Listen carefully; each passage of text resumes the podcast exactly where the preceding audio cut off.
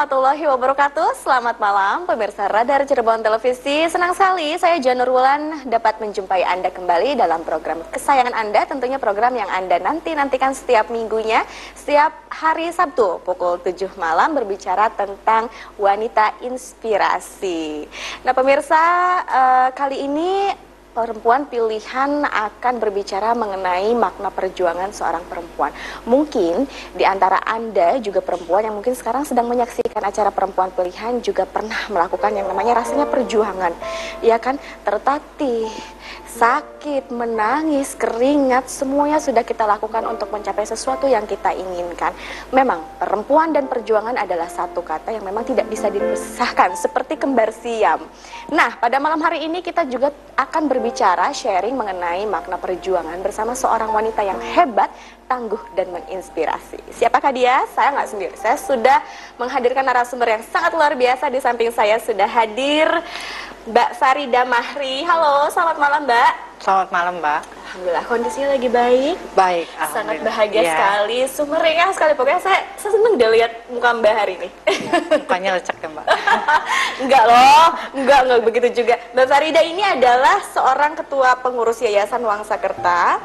Beliau juga selain menjadi uh, ketua pengurus Yayasan Wangsa Kerta banyak sekali kegiatan yang beliau uh, ampu ya di sehari-harinya. Salah satunya adalah sebagai konsultan riset juga. Wah ini luar biasa sekali. Tapi nih Mbak Farida ngomong-ngomong saya mau cerita dulu ya soal pemirsa. Jadi saya tuh kenalnya sama Mbak Farida ini dari uh, media sosial. betul loh. Iya betul. Awalnya saya nggak, saya baru, belum pernah ketemu sama Mbak Farida sama sekali. Baru kali ini malam hari ini saya bertemu langsung bertatap muka dengan beliau. Awalnya saya searching searching scroll karena saya dengar uh, Mbak Farida ini adalah salah seorang aktivis juga dan berbagai sektor ya Mbak ya, terutama khususnya untuk bidang perempuan. Ya dan memang banyak ya uh, beliau ini mengangkat tentang isu-isu dalam bidang perempuan. Tertarik sekali dengan bidang perempuan nampaknya, Mbak. Iya. Why? Ya karena saya perempuan juga. Okay. Oh, ya udah pasti. Benar. Perempuan yang sangat tangguh dan menginspirasi iya. tentunya. Cuman terutama karena perempuan sering kali tidak dipandang ya. Uh, dipandang sebagai individu yang bisa melakukan berbagai hal. Jadi saya pikir memang sebagai selain sebagai perempuan ya saya harus berbicara tentang perempuan mm -hmm. seperti itu. Maksudnya belum dipandang uh, dalam berbagai hal, artinya di situ belum adanya pengakuan dari uh, potensi perempuan itu sendiri. Uh, artinya iya. di mata masyarakat luas. Iya di mata masyarakat. Kira-kira menurut pandangannya Mbak Farida, apa yang terjadi? Kenapa masyarakat kita masih uh, mendiskriminasikan ya gitu uh, potensi iya. perempuan? Ya. Saya kira kita masih dalam alam berpikir yang lama ya kita belum banyak berubah bahwa perempuan itu ya cocoknya hanya di, di dapur ngurus anak dalam tanda kutip ya ngurus makan cuci baju sifatnya lebih domestik ketimbang uh, melakukan hal-hal yang bersifat publik gitu misalnya mengurus masalah uh, air di kampungnya masalah uh, apa politik, pemilihan kepala desa dan lain sebagainya. Saya melihat loh bahwa kekuatan perempuan itu tidak dipandang. Jadi kalau misalnya yang didekati oleh si calonku itu adalah laki-laki, masalah dianggap selesai. Suara perempuan tidak tidak menjadi satu hal yang diperhitungkan. Iya. Jadi mungkin lebih kepada uh, culture masyarakat kita yang masih uh, menggunakan konsep pola pikir gender mungkin ya. Uh, maksudnya bahwa laki-laki uh, itu masih masih posisinya kalau secara agama betul laki-laki memang posisinya di bawah eh di atas perempuan. Tapi kalau mungkin dalam bidang seperti kesetaraan hak mungkin kita bisa mengupayakan itu sebetulnya. Iya. Cuman permasalahannya banyak sekali kendalanya. Salah satunya iya. mungkin budaya masyarakat iya. kita. Kalau menurut saya soal partisipasi itu laki-laki dan perempuan seharusnya ya sama aja. Betul. Partisipasi misalnya dalam membina keluarga ya perempuan dan laki-laki ya bergantian aja pada saatnya harus memimpin tidak harus semua harus laki-laki tidak misalnya ya apakah laki lebih banyak mana uh, perempuan dan laki-laki menghabiskan waktu di dalam rumah keluarga tentu lebih banyak perempuan, perempuan. jadi dia lebih tahu tentang situasi anaknya dan lain sebagainya tetapi kenapa sering kali perempuan yang selalu menjadi pihak yang disalahkan gitu kan Iya. yang di nomor dua. Iya, tidak ada kerjasama di dalam rumah tangga misalnya dalam salah. Padahal kalau dari segi uh, mutu atau beban, beban perempuan menjadi lebih banyak sebetulnya daripada laki-laki. Iya. Kalau laki-laki tok mungkin dia berpikir ke arah oh bagaimana saya bisa melakukan rutinitas saya sebagai seorang pekerja di luar sana, setelah pulang menjadi seorang pekerja dia pulang lagi kembali ke rumah. Tetapi kalau perempuan kita merasakan sendiri ya Mbak Farida ya bagaimana sulitnya menjadi seorang ibu menghadapi anak-anak yang memang mereka punya berbagai karakter Nah, gitu. itu. Jadi tidak patut lah kalau laki-laki misalnya anaknya nakal, wah ibunya nggak bisa didik, nggak bisa seperti itu karena harus seimbang gitu. Betul, berarti kalau begitu ini penting dong untuk merubah pola pikir masyarakat atau mindset masyarakat kita sendiri. Mungkin nggak itu terjadi? Mungkin sangat mungkin terjadi dan uh, untuk mengupayakan ke arah situ kita harus uh, membuka pikiran ya, mulai uh, apa sosialisasi atau menyadarkan masyarakat bahwa jangan mengembalikan lagi kan sekarang ini ada tuh narasi-narasi bahwa perempuan tuh harusnya di rumah aja itu juga tidak sepatutnya benar gitu ya. Oke. Saya dalam rangka supaya anak-anak terus tidak karena di dalam rumah tangga itu harus kerjasama, tidak bisa seperti itu. Jadi perempuan harus eh, apa suaranya juga dipertimbangkan. Bagaimana pandangan dia tentang anak-anaknya, tentang kehidupannya dan harus bagaimana ke depan dalam suatu rumah tangga. Bahkan tidak hanya skala rumah tangga tapi juga skala kampung, desa dan terus ke atas seperti itu. Oke. Ya. Dan memang kalau seperti itu untuk edukasi untuk pemberdayaan perempuan ini justru tidak hanya saja kita lakukan langsung to the point kepada objeknya yaitu perempuan, tapi justru kita harus mengedukasi seluruh lapisan masyarakat termasuk laki-laki. Betul, tidak bisa ya. Karena meskipun kita bilang kepada perempuan begini dan begitu, tapi di dalam misalnya di dalam keluarga, dalam rumah tangga, dia selalu ya kamu nggak bisa bilang kayak gitu. Saya pemimpinmu, kamu harus nurut kata saya. Nah itu tidak ada dialog itu yang yang sering kali melemahkan posisi perempuan. Tapi ngomong-ngomong nih Mbak Farida, saya pernah punya satu cerita. Ini saya mau cerita dulu sama Mbak Farida. Jadi saya pada saat itu, eh, pada saat melakukan studi S2 di Bandung, belum selesai waktu itu. Saya harus eh, menghadiri sebuah pernikahan teman saya. Terus saya ketemu sama teman cowok saya tuh Mbak. Terus teman saya co- cowok saya bilang gini, kamu ngapain katanya eh, belajar tinggi-tinggi nanti kamu nggak ada yang mau loh. Itu terjadi loh. Terus saya, saya, saya cuma senyum gitu. Toh katanya saya juga sebagai pria saya nggak mau nih punya pacar yang dia pendidikannya lebih tinggi dari saya atau pekerjaannya lebih bagus dari saya atau bahkan mungkin penghasilannya lebih oke dari saya gitu kan. Terus kamu mau mau kayak gimana kalau nggak ada cowok yang mau? Terus saya berpikir, iya sih mungkin kalau masyarakat kita seperti itu. Terus jawaban saya apa coba Mbak? Jawaban saya, ya udah kalau memang seluruh laki-laki di Indonesia berpikir seperti itu, saya mau cari laki-laki di luar Indonesia. itu benar, itu terjadi dan memang ternyata di seluruh eh, rata-rata laki-laki berpikir seperti itu. Jadi mereka itu mereka tuh ada satu satu sisi bukan ketakutan ya Mbak, tapi lebih kepada sudut eh, prinsip mungkin yang tidak ingin dilebihi oleh seorang perempuan. Mungkin itu yang terjadi juga seperti itu ya. Ya bisa jadi karena menerima uh, orang yang setara itu kan sulit bukan hanya laki-laki dan perempuan tapi kaya dan miskin sama aja tuh tidak bisa orang menjadi setara karena masalah status-status seperti itu. Tetapi nggak usah khawatir mbak. Kemarin kemarin tuh uh, seru sekali anak-anak murid saya jadi saya kan bikin sekolah anak-anak putus sekolah gitu. Uh, ya yang satu lagi menjemput pacarnya, yang lain uh, komentar ngapain jemput ini yang komentar yang laki-laki ya. Ah. ngapain jemput pacar kayak gitu? Enggak pacarnya dekil katanya gitu. Saya terus nggak boleh gitu. Iya. jadi gini kalau kamu mau dapat pacar yang cantik kamu harus lihat dirimu dulu. Mm-mm. dirimu dulu harus ganteng baru kamu akan dapat nggak mungkin toh orang cantik nyari yang jelek nggak mungkin. Terus kalau kamu pengen cari pacar yang pintar kamu dulu yang harus pintar. Caranya seperti itu Farida. Nah tentunya nanti kita akan berbicara lebih banyak lagi mengenai eh, makna perjuangan seorang perempuan.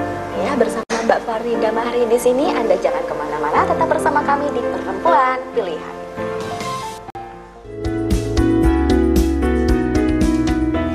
Terima kasih pemirsa Radar Cirebon Televisi. Anda masih bersama kami, setia bersama kami di program Perempuan Pilihan. Masih bersama saya Janurulan dan malam hari ini saya ditemani oleh perempuan yang sangat luar biasa, tangguh dan menginspirasi.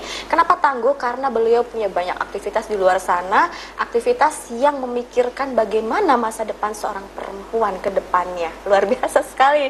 Mbak Farida Mahri sudah hadir di tengah-tengah kita. Beliau seorang ketua pengurus Yayasan Wangsa Kerta.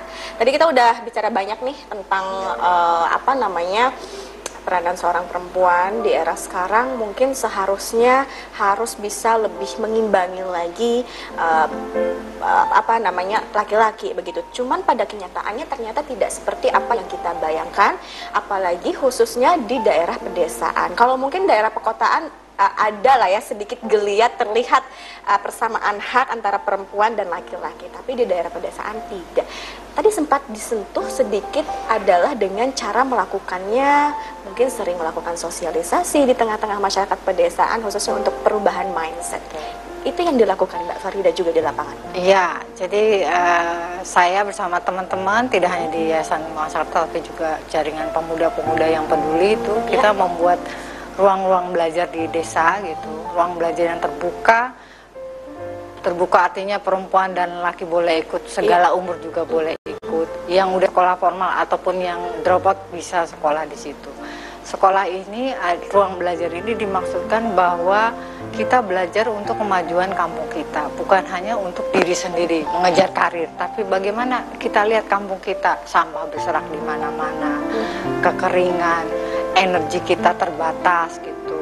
Kemudian juga semakin tandus tidak ada lagi yang uh, bertani. Terus kita mau makan dari mana? Mm-hmm. Seperti itu. Dengan mendorong adanya ruang-ruang belajar di masyarakat, kita berharap kemajuan Indonesia tercapai gitu. Karena bayangkan jumlah kota dan desa luar biasa kan, ya, ya paling betul. banyak desa. Tapi apakah ada yang peduli dengan desa-desa ini?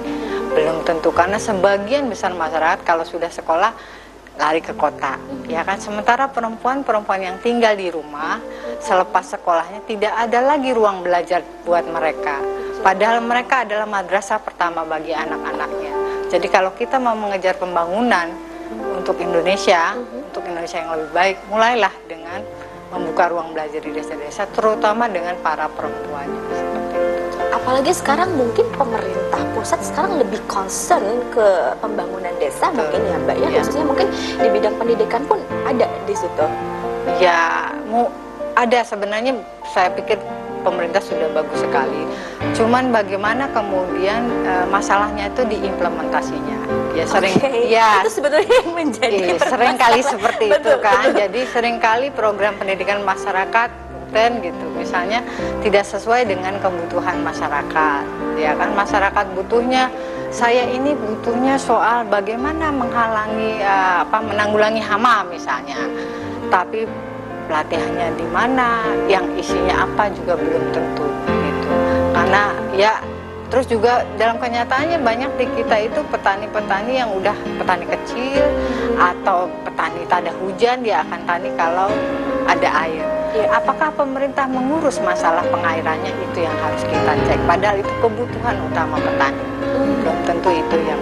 Jadi yang keluarnya pelatihan tapi kebutuhannya air dulu nih jangan itu dulu misalnya seperti okay, itu ya prioritas yang lebih penting iya, iya. seharusnya pemerintah sudah bisa uh, apa mengidentifikasi itu iya. terdahulu begitu ya tapi ini memang untuk membuka uh, sekolah sekolah uh, terbuka ini maksudnya terbuka itu siapa saja bisa ikut mengikuti baik perempuan ataupun laki-laki baik itu masyarakat yang memang dia juga sedang mengenyam studi ataupun mungkin bahkan yang putus sekolah juga iya, bisa ikut iya. uh, adil di situ. Ini adalah upaya yang sangat luar biasa dan tentunya untuk mensadarkan, membangunkan masyarakat untuk lebih aware terhadap permasalahan di sekitar seperti tadi kekeringan, sampah yang semakin hari semakin menumpuk, terus sumber daya alam yang semakin hari semakin menipis. Itu kan perlu effort yang besar untuk Betul, kita, iya. Mbak. Ya. Jadi caranya ya kita memang harus turun ya, turun um, bersama-sama masyarakat berbicara, berdialog, menangkap kegelisahan mereka terus ya hayu kalau bagaimana kalau begini dan begitu, begitu ya riset bersama mereka sampai memutuskan prioritas masalahnya. Nah sebenarnya saya melihat gini mbak, eh, masalahnya itu pendidik pemerintah udah luar biasa ya banyak beasiswa sekarang ini.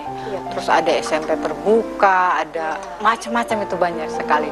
Tetapi apakah eh, kadang-kadang ini bukan menyalahkan masyarakat ya tapi maksudnya kadang-kadang masyarakat juga tidak melihat itu sebagai peluang yang bisa digunakan. Ayo kita pakai ini untuk kemajuan desa kita. Alih-alih menggunakan peluang itu untuk kemajuan desanya sering kali masyarakat ya cuman ngeluh ya kan? Oke. protes dan marah. Energinya habis untuk itu. Betul. jadi kami mendorong uh, udahlah kita ndak usah banyak protes ayo kita kerjain bareng-bareng. Kalau pemerintah kita bisa ajak gandeng tangan ayo kita ajak gandeng sudah seperti itu. Jadi lebih kepada mensupport dari uh, dirinya pribadi ya, karena memang itu mungkin ya agak sulit. Karena uh, tidak semua masyarakat kita itu dia berpikir apa ya namanya uh, tadi yang seperti Mbak Farida bilang itu memanfaatkan kondisi yang ada, padahal sebetulnya fasilitas sudah ada di hadapan kita, Iya. hanya bagaimana kita meng- mengolah intinya kita harus punya keinginan kuat begitu ya. Betul, iya. Hmm. Dan nampaknya sepertinya masyarakat kita masih konservatif nih Mbak. Bener gak sih? ya bisa dibilang seperti itu jadi Itu masih pengennya loh. ya pengennya dapat bukan berupaya gitu kan nah itu dia. Padahal kita harusnya tidak bisa itu. Di- Kalau kita mau merubah nasib kan Allah sendiri bilang kita sendiri yang harus memperjuangkannya, tidak bisa dikasih gitu loh. Kita Uh-huh. sendiri harus Iya betul sekali Mbak.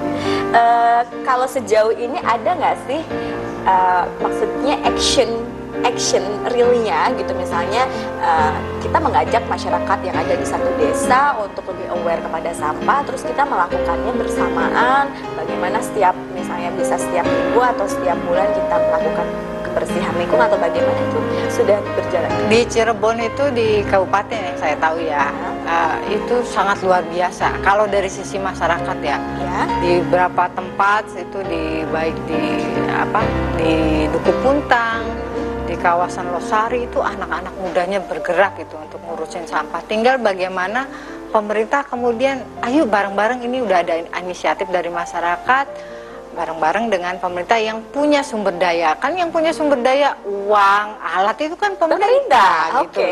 jadi harus nyambung jangan sendiri kalau begini ya ini juga masyarakat kalau begini terus lama-lama lelah kan dia Betul. udahlah capek ininya Uh-uh. enggak kita ya du- duit istilahnya ya nggak seberapa yang punya pemerintah yang menang-menang baik kon pribadi jadi kan lelah jadi pemerintah juga harus menggandeng. Ngomong-ngomong berjuang kan kita nggak berjuang sendiri. Betul. Oh dalam sebuah rumah tangga juga kita harusnya sama-sama berjuang. Gak hanya kita sendiri seorang istri, tapi bagaimana kita memat- menyatukan kekuatan antara suami dan istri untuk menjalankan roda rumah tangga. Begitupun juga dengan pemerintah dan juga masyarakat harus bersinergi ya Mbak Iya. ya untuk mencapai satu tujuan gitu Iya. kan.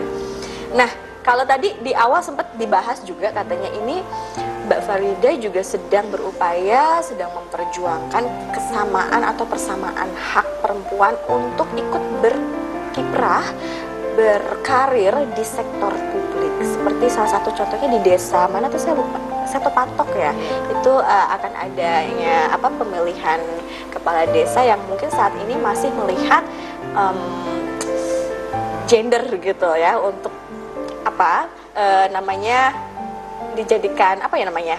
Ya perempuan selalu dibilang oh jangan milih perempuan tukang nangis misalnya kan kayak gitu selalu ya. Nggak bisa dia mimpi padahal di balik nangisnya kita itu adalah kekuatan Mbak, ya. Dika aja nggak tahu kan? Nangis juga nggak apa-apa dia cuma cowok itu malu aja mau nangis. Kalau kita kan nggak malu. Iya. Eh, jadi memang seperti itu. Atau mungkin bahkan eh, pandangan itu terlahir karena memang kondisi perempuan di kitanya memang yang belum siap untuk ikut berkompetensi dalam sektor sebenarnya dalam sektor iya publik. maaf. Sebenarnya tidak bisa dikatakan belum siap karena memang tidak pernah diberi ruang bagaimana mau siap. Oh, iya kan? PR-nya itu ya berilah ruang kepada para perempuan ini. Untuk misalnya dia belajar menjadi pengurus kampung ya terus di tingkat desa. Kalau nggak salah tahun berapa itu eh, jumlah dari eh, jumlah calon kepala desa di Cirebon nggak sampai kok 30% itu. Baru calon tuh nggak sampai 30% yang mencalonkan jadi kubu. Iya jadi apalagi yang terpilih gitu loh pasti lebih sedikit. Padahal kalau dipikir-pikir uh, bahwa perempuan itu punya kans untuk lebih tahu tentang desanya loh. Karena dia yang sehari-hari ada di desa. ada di desa. Berbeda dengan laki-laki yang lebih banyak merantau misalnya. Kalau diberi peluang dikasih pengetahuan diberikan keterampilan desa-desa pasti maju saya yakin. Karena perempuan punya kegiliran yang luar biasa. Betul iya. Saya merasakan memang perempuan dia punya sebuah kekuatan yang eh, laki-laki uh, tidak perempuan itu lebih gigih, dia lebih detail, dia lebih detail dalam uh, menyelesaikan sebuah masalah gitu kan. Terus yang tentunya perempuan ini dia lebih sabar. Dia karena apa? Karena selain pemikiran yang logis, dia punya hati yang dia juga ikut di ya kalau ini pengalaman saya pribadi loh Mbak Iya. Jadi hati itu juga ikut andil. Jadi antara keseimbangan pikiran dan hati itu betul-betul perempuan itu bisa mengolah. Laki-laki belum tentu. Bener nggak sih Mbak? Iya betul. Memang harus punya apa? Siapa saya lupa ya quote dari siapa kita. Untuk jadi pemimpin kan harus punya tiga H. Apa tuh? Heart, Heart, ya kan. Terus satu lagi uh, saya lupa intinya sih pikiran, hati dan skill gitu ya. Okay. Dan keterampilan, keahlian itu harus tiga. Kalau satu hilang ya nggak bisa. Dia cuma pintar tapi nggak punya hati ya mau gimana? Baik, baik. Jadi intinya untuk menjadi seorang pemimpin harus tiga unsur yaitu hati yang tulus, pemikiran yang sangat luas, dan juga skill yang membantu kita untuk melakukan implementasi di lapangan secara nyata. Anda pemirsa jangan ke mana-mana, masih bersama kami di Perempuan Pilihan bersama Mbak Farida Mahri. Pemirsa Anda masih bersama kami dalam program Kesayangan Anda Perempuan Pilihan bersama saya Janur Wulan dan malam hari ini masih bersama Mbak Farida Mahri membahas mengenai makna perjuangan seorang perempuan. Anda di sana yang sedang berjuang terus tetap berjuang ya, jangan pernah terhenti untuk melangkah. Cia, kuatnya luar biasa ya itu padahal langsung dari mana dapat kayak gitu. Oke, okay, Mbak Farida, mungkin betul, mungkin memang benar di luar sana tidak sedikit juga perempuan yang sedang berjuang, yang sedang melihat kita di sini, mungkin juga pernah merasakan hal yang sama sebagai seorang perempuan, kita pernah di titik terendah dan bagaimana kita berjuang untuk terus bergerak dan pada akhirnya kita bangkit berdiri dan berlari. Ke depannya, Mbak Farida punya harapan seperti apa sih untuk perempuan kita? Ya, ke depannya saya harap saya berusaha ya. Kita sama-sama berusaha agar perempuan-perempuan baik di kota dan di desa gitu uh, maju. Uh, maju itu dalam arti bukan hanya mencapai pendidikan yang tinggi tetapi juga memberikan kontribusi kepada masyarakat bukan hanya untuk dirinya sendiri. Bagaimana kontribusinya? Sederhana sekali. Misalnya Cirebon ini sedang menghadapi masalah sampah yang luar biasa. Iya dan juga kekeringan di mana-mana. Ancaman kekeringan uh, itu sudah sudah di depan mata karena di beberapa tempat juga tandus ya gitu. Jadi uh, kalau misalnya kita sebagai perempuan di dalam rumah tangga bisa memilah sampah dari masing-masing rumah tangga, bayangkan itu PR kita untuk urusan sampah selesai, selesai bisa dari selesai akar. dari akarnya, Betul. memilah sampah dari yang anorganik dipilah dibedakan dengan yang organik. Kemudian tidak hanya dipilah tapi juga bagaimana itu bisa menjadi berkah buat kita. Ya kan? Untuk jadi kompos kita bisa menanam sayuran sehat buat keluarga kita di rumah. Betul, betul. Ya, atau uh, yang non organik itu kita bisa jadikan barang kerajinan atau bahkan mungkin untuk bensin dan lain sebagainya. Mm -hmm bekerja sama tentu dengan pemerintah karena sampah itu skalanya kota atau kabupaten. Kalau skalanya kecil-kecil itu volumenya kurang besar. Hmm. Tapi ya yang terutama itu harus dari rumah tangga. Jadilah para pahlawan pengolah sampah. Betul. Ya para perempuan ini hmm. yang di dalam keluarga. Kemudian untuk masalah uh, kekeringan karena yang paling merasakan kekeringan adalah sebenarnya perempuan karena perempuan yang ngurus nyuci, ngurus Betul, masak dan lain sebagainya. Jadi kita yang lebih tahu soal kekeringan hmm. itu.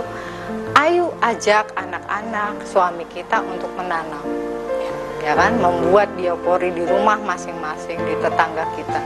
Saya kira sudah banyak sih contohnya tinggal ini dibuat lebih masif Betul. gitu ya di, di tingkat kota dan kabupaten. Dan kalau itu terjadi luar biasa kita yang namanya ancaman perubahan iklim itu kita mungkin bisa bisa mengatasi mengatasinya ya, seperti ya. itu ya.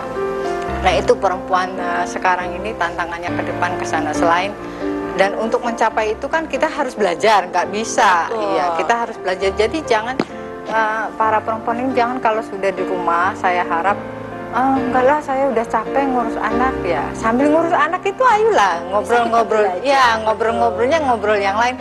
Yuk kita ngolah sampah yuk. Nah, ini itu. kalau malas sendirian bareng-bareng lima orang lima orang atau satu gang itu banyak sekali cara ya kan sebenarnya. Dan kita bisa lakukan itu. Betul sekali. Dan bahkan mungkin dari eh, saya pernah juga tuh baca ya searching-searching gitu dari sampah anorganik aja misalnya plastik gitu loh Mbak itu bisa dibikin sebuah anyaman juga katanya.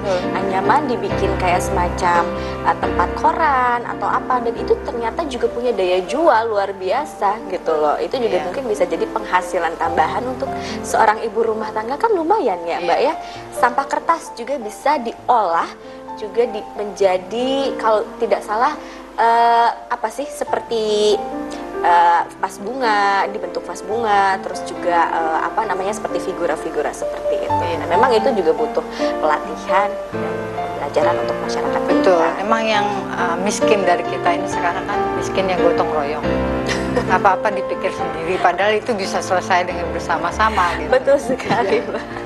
Gotong royongnya kalau hanya hajatan betul betul betul ya. Padahal kan sebetulnya banyak hal lain yang mungkin dengan kita bergotong royong semua masalah bisa teratasi. Betul. Gitu ya. Mungkin lingkungan kita akan lebih bersih nantinya, lebih tertata. Siapa tahu jadi kampung hijau kan gitu, Betul, kampung iya. terbaik. Ada masa penghargaan. kita nggak malu wah Cirebon udah panas sekali debu nggak ada pohon ah, kita kan malu katanya mau jadi kota wisata bagaimana Hokam kalau misalnya kita mau jadi kota wisata tapi kondisinya saja seperti Nah, ini. itu sampah masyarakatnya saja masih belum disentuh untuk dibukakan mindsetnya ya Mbak ya.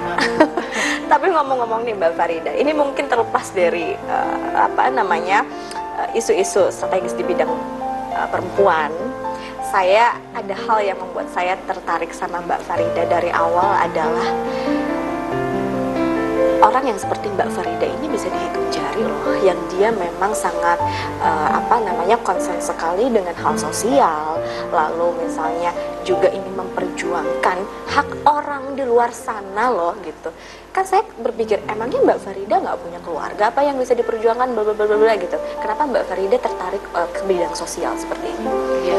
Eh, kalau masalah itu nggak tak gini ya. Dari kecil memang saya sudah itu mungkin sebenarnya ajaran dari dari orang tua, dari nenek gitu. Nenek saya kan kalau sore itu ngumpulin anak-anak untuk ngaji gitu kan. Dari dari saya udah ngelihat dari dari kecil seperti itu, ya kan. Kemudian juga bapak saya itu meskipun sebenarnya dulu saya itu susah ya mau kuliah karena bapak saya udahlah laki perempuan nggak usah karena kita Tuh miskin kan. kan iya. Merasakan juga Iya, seperti oh, itu. iya, itu. Dua hari saya nangis gara-gara pengen kuliah itu mbak Oke. iya. Dan tetap nggak dapet karena mau sekolah swasta bapak saya nggak sanggup dia lebih memilih yang laki-laki. Jadi terus uh, saya berusaha untuk dapat negeri. Pas, pas dapat negeri ya bapak saya ikut cingkrak-cingkrakan oke boleh kalau negeri kan kayak gitu terus sekolah tapi pas sekolah itu pernah mau dapat beasiswa ceritanya kan. Meskipun saya tidak cerdas banget itu enggak. Mau dapat beasiswa karena ak- aktif kan di kampus. Kata bapak saya saya telepon pak ini mau dapat beasiswa gitu. Kata bapak saya itu yang itu saya ingat sampai sekarang. Dia bilang nggak usah. Banyak orang lain yang lebih membutuhkan. Coba. Padahal bapak saya bukan orang kaya. Itu jadi terus juga dari kecil itu saya hi- ah oke oke. Oke, jadi saya bukan dari keluarga kaya. Huh. Oke. Saya- saya apa ya melihat sekeliling itu gak bisa saya diem. Sekeliling maksudnya adalah um, warga, tetangga atau Tetangga ya, misalnya itu, hah, pada saat itu Mbak di mana? Pada saat mengalami hal itu dulu kampung halamannya di mana? uh.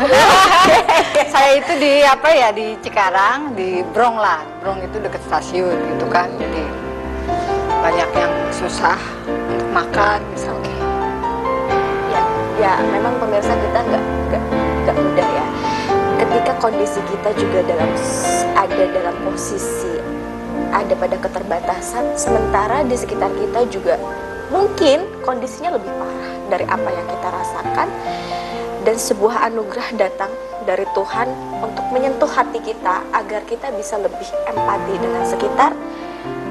Eh, itu sesuatu yang sangat luar biasa pembelajaran yang tidak bisa kita dapatkan dari buku termahal di dunia sekalipun Betul. apa yang bisa Mbak Farida ambil pelajaran dari pengalaman Mbak saat itu Menurut saya itu bahwa kita karena saya orang tua ya atau kita sebagai pendidik kalau mau anak kita atau anak didik kita punya rasa empati yang sama ya tunjukkan dengan tindakan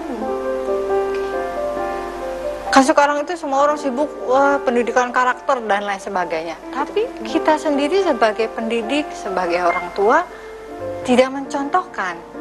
Ya nggak bisa itu mbak. Sepele sekali. Ketika seorang anak menangis Yes. karena kelakuan kita sebagai guru ya kita harus minta maaf kalau kita salah. Jangan terus membiarkan dia menangis tanpa dia tahu kenapa guru itu bersikap seperti itu sama saya walaupun meskipun misalnya si guru niatnya bercanda tapi kan dia anak udah tersinggung ya Iya, kan? iya. dia nggak paham. Harusnya minta maaf dong gitu kan. Maaf ya aduh saya sudah membuat kamu tersinggung. Itu itu sikap. Itu sering kali karena ya entah kenapa sih kita itu merasa tinggi hati mungkin ya. Oh dia aja yang salah paham. Saya saya sebenarnya nggak maksud gitu kan. Dia lupa untuk minta maaf misalnya itu itu saya temukan seperti itu. Kalau saya itu berusaha berusaha tidak seperti misalnya pernah murid saya itu marah dengan saya karena saya marah dengan dia nggak bisa bisa mengerjakan satu hal satu soal satu udah belajar lama kamu tetap nggak bisa seperti itu. Bagaimana? Dan dia marah terus pergi. Saya tuh merasa bersalah sekali karena membuat ini anak putus gitu kan putus asa Putus karena nggak bisa ya untuk dirinya sendiri bahkan Iya. kan? Terus akhirnya saya datangi kata saya saya minta maaf. Membuat kamu kecewa tetapi kamu harus paham bahwa banyak di luar sana tidak segala sesuatu itu sesuai dengan yang kamu inginkan. Berbeda. Jadi kamu juga harus bersabar menghadapi orang-orang seperti saya. Sama seperti saya bersabar mengajari kamu kayak gitu. oke jadi, jadi dua-duanya terakhir akhirnya argumen itu ya terjadi interaksi di situ ya oke Itu ya sama dengan anak saya juga gitu mbak. Anak saya kan suka protes Mm-mm. karena kami berdua sama-sama sibuk gitu kan. Aku nih sebenarnya anak siapa? Ayah dan mama itu sering pergi aku disayangnya sama siapa gitu. Oke terus suatu saat dia izin mau mau main kan. Mama aku ma- mau main. Ya oke mama akan tunggu di sini. Saya sambil mengerjakan sesuatu. Saya tunggu di situ lama terus dia berapa jam balik. Terus saya ajak "Eh, na- namanya Farah. Farah, kamu eh, melihat nggak mama menunggu kamu di sini? Tetap ada kan mama di rumah? Iya mama. Nah itu sama. Seperti kalau mama pergi, mama berharap kamu menunggu mama. Mama tidak ke mana-mana pasti akan pulang sama kamu. Baru dia paham. Luar biasa sekali. Saya penasaran dengan Farhan jadinya, tapi nanti kita bahas di segmen selanjutnya pemirsa. Anda jangan ke mana-mana, perbincangan semakin menarik malam hari ini. Tetaplah bersama kami di Perempuan Pilihan.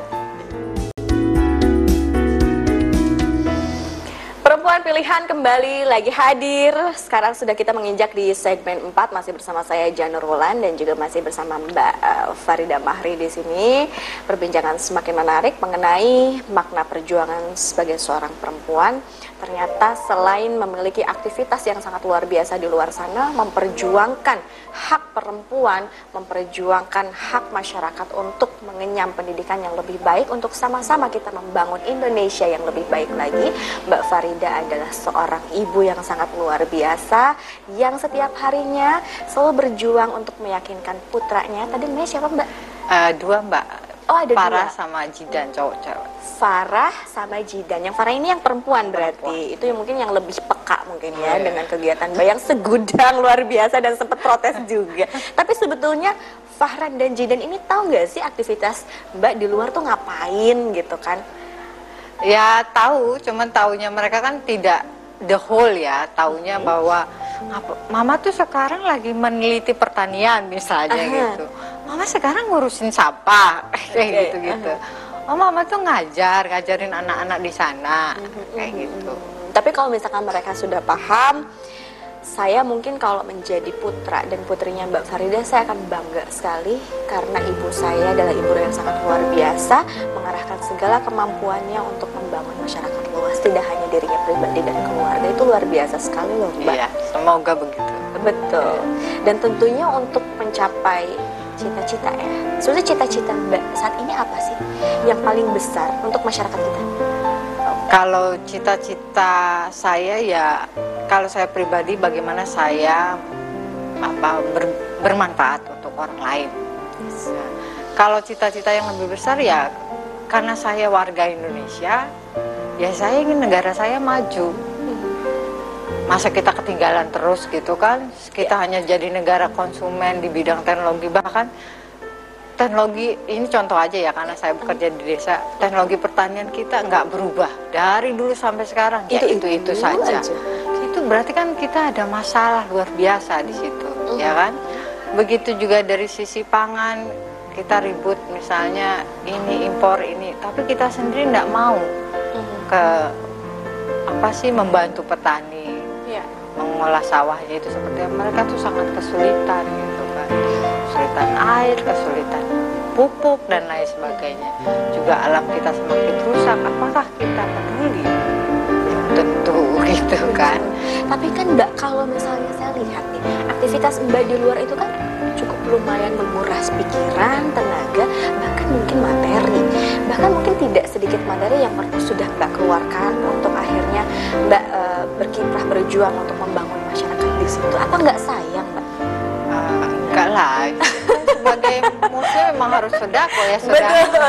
Ya iya ya, tapi kan sodako saya itu. Jadi sodako itu nggak mesti ngasih makan ke orang itu sodako gitu kan. Atau bayar zakat eh, zakat penghasilan atau yang namanya mau lebaran itu ya fitrah. Nggak hanya itu. Yang namanya sodako berbagi itu ya yang lebih bermanfaat itu lebih baik yang istilahnya berkelanjutan lah jadi Yes. manfaatnya itu tidak hanya sesaat orang kenyang tapi, Tapi- bagaimana sih orang tersebut yang kita kasih Iya. itu juga dapat merubah pola pikir bagaimana Betul. saya bisa setiap hari kenyang dengan uh, upaya saya untuk mencari nafkah yang lebih berkah mungkin gitu ya ini kita bisa Cerdas. lebih Oke. cerdas ya selama ada di samping Mbak Farida saya cerdas luar biasa sekali loh pengalamannya uh, Mbak Farida karena mungkin uh, tidak semua perempuan juga punya uh, apa namanya ya kegigihan yang sama seperti Mbak. Eh, itu dari sejak kecil memang Mbak sudah di bidang sosial atau mungkin pergerakan ini dari tahun berapa mulainya? Kalau kalau dari kecil ya Mungkin benih-benih ya tapi sudah benih mulai itu sudah sudah sudah memang saya senang seperti itu gitu ya. Kemudian ketika saya sudah eh, mahasiswa, saya aktif aktif di pergerakan mahasiswa lah seperti itu. Kemudian saya kerja di NGO lama dan saya ketika suami pindah ke Cirebon karena jadi dosen di IAIN Cirebon, Iya. saya memutuskan pindah. Nah waktu itu kan banyak teman-teman ngapain pindah ke kampung di sini udah kerja enak gaji besar gitu. Saya tuh saya nggak bisa hidup saya cuma buat nyari uang nggak bisa. Saya gelisah kan. Oke. Ya jadi saya balik ke sini nggak apa-apa lah. Kalau uang itu kalau saya punya keahlian dia yang akan mencari saya bukan saya yang mencari. Itu pikiran saya ya kan. Jadi saya pindah ke sini dan diminta bantuannya mengurus kampus, mengurus kampus berapa lama, kemudian kita oke lah eh, membuat jejaring diskusi sama mahasiswa gitu kan. Terus saya bilang kalau kita cuma diskusi terus menerus, kita cuma bersilat ludah, Mhm. ya kan? Oke. Apa action kita sebenarnya? Kalau kamu mau desa-desa maju, mau Indonesia maju, ya sudah turun lah. Yang kamu bilang bunuh diri kelas itu ya bunuh diri kelas. jangan cuma di mulut gitu Iya, kan, betul ya. Tapi aja. tindakannya apa gitu Iya. kan kalau kita cinta Indonesia. Betul, nggak bisa hanya cuma diskusi kan saya. Oke. Jadi kami terus memutuskan uh, bergerak di desa-desa Hmm. sama dengan teman-teman mahasiswa, anak-anak muda yang uh, kita bikin persekongkolan hati nurani namanya. Ayolah kita bergerak. Bahasanya tinggi sekali. Ceritanya Oke, oke. begitu ya udah. Ya juga kita didukung berapa teman ya. Ta- saya tidak sepenuhnya semua materi uh, dalam bentuk dana itu dari saya enggak ada teman-teman yang peduli misalnya saya saya pengen seperti kamu tapi saya nggak bisa saya udah kerja bagaimana? Saya bilang bahwa kontribusi itu bisa bermacam-macam. Tidak harus kamu secara fisik di sini setiap hari enggak. Kamu bisa memberi apa. Tidak harus dalam bentuk uang. Kamu bisa misalnya kamu ikut ngajar seminggu apa dua jam dalam seminggu. Kamu sisihkan waktu satu jam dalam satu hari untuk masyarakat sekelilingmu aja itu udah kontribusi. Nggak harus kamu ikut saya ada di kampung yang ini di kampungmu sendiri. Mbak, ada nggak sih, Mbak, eh, ketika Mbak sedang memperjuangkan sesuatu gitu kan ya, kan memang itu perjalanan kita tidak selalu mulus, apalagi kalau di tengah-tengah masyarakat ada yang pro, ada yang kontra. Pernah nggak ada di titik fase di mana kita tuh lelah, kita tuh, "Ih, Tuhan saya lelah sekali gitu, dan ada pada eh, titik bukan keputusasaan ya, mungkin lebih kepada eh, saya nggak tahu apa yang harus saya lakukan lagi begitu. Pernah nggak ada dalam fase Iya tersebut? pasti itu pasti situasi psikologis naik turun itu luar biasa mbak Boleh cerita nggak sih sedikit contohnya? jadi misalnya gini saya udah mendampingi ibu-ibu sekian lama gitu kok dia nggak berubah berubah ya maksudnya Oke. tetap di situ apa sih cara berpikirnya tindakannya nggak berubah ini masalahnya saya yang salah maksudnya saya yang salah mendampingi atau di sananya yang memang ini saya saya salah memilih target gitu loh saya ya. jadi eh, ya terus saya sedih tapi tidak lama biasanya saya oke saya memutuskan saya akan menyepi dulu dua hari. Setelah itu saya saya akan berpikir eh, strategi selanjutnya misalnya. Oh ini nggak bisa kalau kelas yang didampingi pertama kali adalah kelas menengah yang ini nggak bisa ini nggak cepat bergerak. Harus cari target grup yang lain yang bisa mendorong ini kayak gitu dicari. Nah, jadi misalnya di satu tempat uh, memilih target grup pemuda ini setelah sekian lama saya pandang nggak bisa ini. Anak mudanya pada pergi-pergi ngerantau. Nggak bisa ini ngurus desanya. Padahal itu apa sih? Tenaga pikiran udah tercurahkan wah itu stres banget. Rasanya uh gimana ini?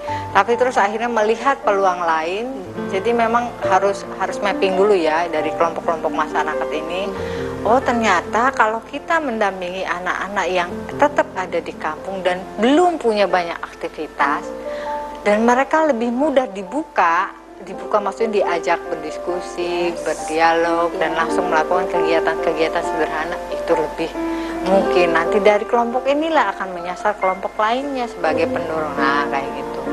Tapi situasi stres tentu. Kalau lagi stres mbak saya terus woro-woro siapa yang mau mau ini traktir karaoke lah karaoke ya gitu Oke. Jadi semua orang punya healingnya masing-masing ya.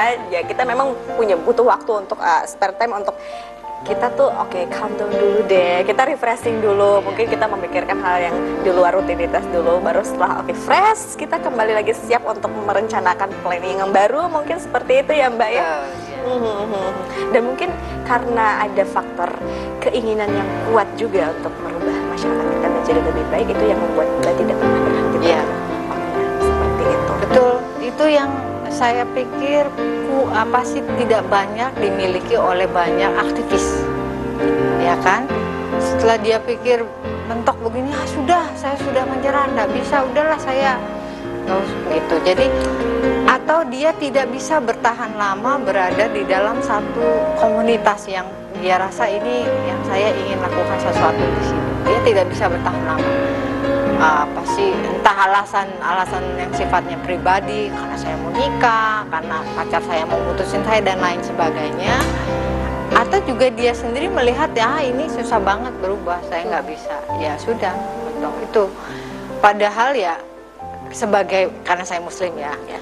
kalau misalnya Nabi Muhammad, Nabi Muhammad aja lah, tidak gigih. Kita apakah jadi orang muslim sekarang meskipun dia kan nabi ya. Betul. Tapi kita kan juga harus melihat dia sebagai manusia yang berusaha terus-menerus Iya. itu untuk Bahkan- merubah masyarakatnya. Bahkan terjatuh dia bangkit lagi, terjatuh dia bangkit Betul. lagi sampai Iya. semua. Betul, jadi kritik saya kita ini selalu merayakan Maulid Nabi, uh, Isra Mi'raj, tapi kita sendiri tidak mencontoh cara-cara Nabi Muhammad untuk merubah masyarakat menjadi lebih baik. Dulu perempuan dibunuh, Muhammad kan yang berusaha ini tidak jangan dibunuh, ini juga manusia. Dan itu berhasil sekali. Artinya mungkin kalau secara konsep itu memang penting, tapi lebih pentingnya lagi konsep itu disampaikan kepada Betul. orang banyak. Dan ada yang lebih penting lagi dari itu adalah bagaimana kita dapat mengimplementasikan konsep yang kita sampaikan. Begitu mungkin ya, ya secara sedikit banyaknya seperti itu. Mbak Farida kita kembali lagi nanti di segmen selanjutnya. Anda jangan ke mana-mana tetap bersama kami di Perempuan Pilihan. Sudah menginjak di segmen akhir perempuan pilihan masih bersama Mbak Farida Mahri di sini dan tentunya bersama saya Janur Wulan yang setia menemani Anda. Tadi dari segmen awal sampai saat ini di segmen akhir kita sudah banyak sekali berbincang mengenai perempuan bahwa ternyata perempuan itu sebetulnya memiliki kekuatan yang sangat dahsyat dalam dirinya. Hanya permasalahannya tidak semua perempuan dapat mendeteksi kekuatan yang ada pada dirinya. Gitu ya Mbak ya Farida ya. Iya. Karena dia sebagai perempuan ya kewajibanku yang ngasih makan anak gitu kan Ya. pikirannya bersih-bersih rumah selesai. Betul, betul. Cukup deh cuman eh, belajar sampai SMP aja atau SMA aja sisanya aku udah nikah selesai. Seakan-akan seperti itu, Betul. padahal ternyata banyak ya PR yang harus diselesaikan oleh seorang perempuan. Ya betul nggak bisa keluarga kita jadi keluarga yang baik ya baik maksudnya anak-anak pendidik Betul. kemudian anak-anak juga tidak terjerumus hal-hal yang tidak kita inginkan ya Iya. katakanlah yang anak nakal segala. Kalau kita sendiri sebagai orang tua terutama ibu bukan berarti ini beban ibu bukan. Tapi karena memang kebetulan ibu yang paling banyak di rumah gitu. Dia harus belajar belajar bagaimana caranya mendekati anak Iya. ya kan? Berdialog dengan anak tidak ngomel nyerocos Iya. saja kan? Jadi kalau anak-anak saya tuh sering bilang bosan kalau di rumah bu. Disewoti mimi baik gitu kan? Oke. jadi eh, jadi kit- sebagai ibu harus belajar banyak hal jadi jadi istri tidak selesai yang namanya belajar sepanjang hayat kan kita setuju belajar sepanjang hayat ya Itu lakukan sudah ada itu. dalam ayat Al-Qur'an. iya lakukan itu Mhm. bukan hanya buat anak tapi bagaimana kita membangun hubungan yang baik dengan suami ya kalau dalam rumah tangga itu kekacauan pasti Ada saja. Ada aja gitu. jadi pernah misalnya gini teman saya tanya saya kok nggak pernah lihat Bu Ida berantem sama Pak Wahid emang nggak pernah berantem ya iya kata saya Berantemnya bisik-bisik ya. iya kata saya gini kamu apakah kamu terus menerus sehat? Enggak. Pernah sakit kan? Pernah. Iya, ya iya. sama aja. Dalam satu hubungan pasti ada turun naik ya. Tapi bagaimana kita apa mencoba mencoba terus menerus gitu menjadi hubungan yang lebih baik gitu kan bisa saling percaya dan lain sebagainya. Kembali ke soal perempuan bahwa untuk membuat pasangan atau anak mengerti kita kita harus belajar. Menc- bagaimana membuat suami mengerti kita kita juga harus belajar. Caranya berdialog mencari waktu mencari apa sih yang uh, bisa dimengerti. Karena kan perbedaan kultur, perbedaan pendidikan lain sebagainya itu rumit di dalam suatu rumah tangga. Tapi tapi saya nggak bilang cerai itu nggak apa sih jangan solusi ya. Iya, Tidak. tidak itu iya banyak banyak faktor. Tetapi terutama kalau kita mau Indonesia ini maju, memang harus dimulai dari keluarga, nggak bisa tidak. Pendidikan karakter juga. Iya, pendidikan karena nggak bisa kita nyerahin ke sekolah. Aha. Kita itu namanya melemparkan tanggung jawab anak kita kepada Oke, sekolah. kasihan banget. Iya. Kayak gitu anak. Jadi kenapa saya eh, ya kita tetap memilih sekolah yang baik buat anak. Tetapi kita juga harus pulang itu karena sekarang informasi luar biasa kan informasi yang didapat anak tidak hanya dari sekolah Betul. tapi dari teman dari WA group dan lain sebagainya kalau kita sebagai orang tua nggak bisa mengikuti perkembangan apa jadinya anak kita? Betul sekali. Begitu juga suami kita, begitu juga diri kita sendiri ya kan. Kalau kitanya nggak belajar, kita mudah kena hoak loh bu, ya kan? Bu luar biasa hoaknya bukan. Tapi bener ya, ada eh, perempuan itu eh, juga penyebar hoax yang Ya, iya paling kan terkenal tuh di WAG Ibu Arisan. Dan- iya, iya. Wah, Luar biasa kata saya. Saya sering miris, ah, Bu, daripada nyebar-nyebar hal yang kita tidak tahu kebenarannya, lebih baik kita diam belajar atau belajar. Jadi kita tahu itu sebenarnya benar atau tidak. betul. Bahaya loh. Misalnya hoax kesehatan. Aha. Ya, Minum ini bisa ini bisa ini, padahal itu belum tentu loh. Iya. Iya, karena belum ada risetnya. Lain ke dokter, dia emang obatnya udah hasil riset misalnya. betul. Itu kan bahaya mengandalkan satu obat herbal ternyata ya mati-mati juga misalnya ya. karena salah minum obat. Nah, itu Iya, kan iya, bahaya. iya, Jadi kenapa ibu itu harus belajar untuk menghindari kita dari serbuan informasi yang tidak jelas, Betul. mencuci otak kita atau juga membuat hubungan kita dengan keluarga juga semakin tidak baik karena nilai-nilai yang berbeda. Oke. Nggak bisa kan dalam suatu keluarga nilainya berbeda. Aha. Ya, jadi harus ada satu kesatuan. Bagaimana cara mendidik anak? Kita dengan suami kan harus satu nilai nih. Membangun komitmen. Nah, Nah, itu yang paling harus satu nilai ya, kita bilang gini, suami bi- kita bilang A, suami bilang B, anaknya yang, yang Yang pusing. bingung. Kaburlah si anak. Jadi anak jalanan. Terus si suami nyalahin istrinya. Iya, Jadi maunya gimana? menyalahkan. Betul. Jadi pada Iya. intinya adalah bagaimana kita dapat menilai dari kita sendiri dan uh, menyadari kekuatan kita apa begitu. Dan ternyata tadi Mbak Farida bilang kuncinya adalah hanya dengan belajar. Belajar mulai saat sekarang kita buka mata, buka pikiran karena belajar kita bisa dilakukan di mana saja dan kapan saja bahkan mungkin dari uh, orang-orang yang ada di sekitar kita, dari keseharian kita itu adalah pembelajaran juga untuk kita. Mbak Farida terima kasih banyak loh. Nanti lain kali saya pasti akan undang lagi dengan isu-isu di bidang perempuan yang lebih strategis mungkin sangat luar biasa menarik sekali perbincangan kita. Sukses terus untuk Mbak Farida dan juga untuk program-program uh, sosialisasi masyarakat untuk membangun perempuan lebih baik lagi untuk Indonesia yang lebih baik. Pemirsa, Anda perempuan yang di luar sana yang sedang berjuang, jangan pernah berhenti untuk bergerak.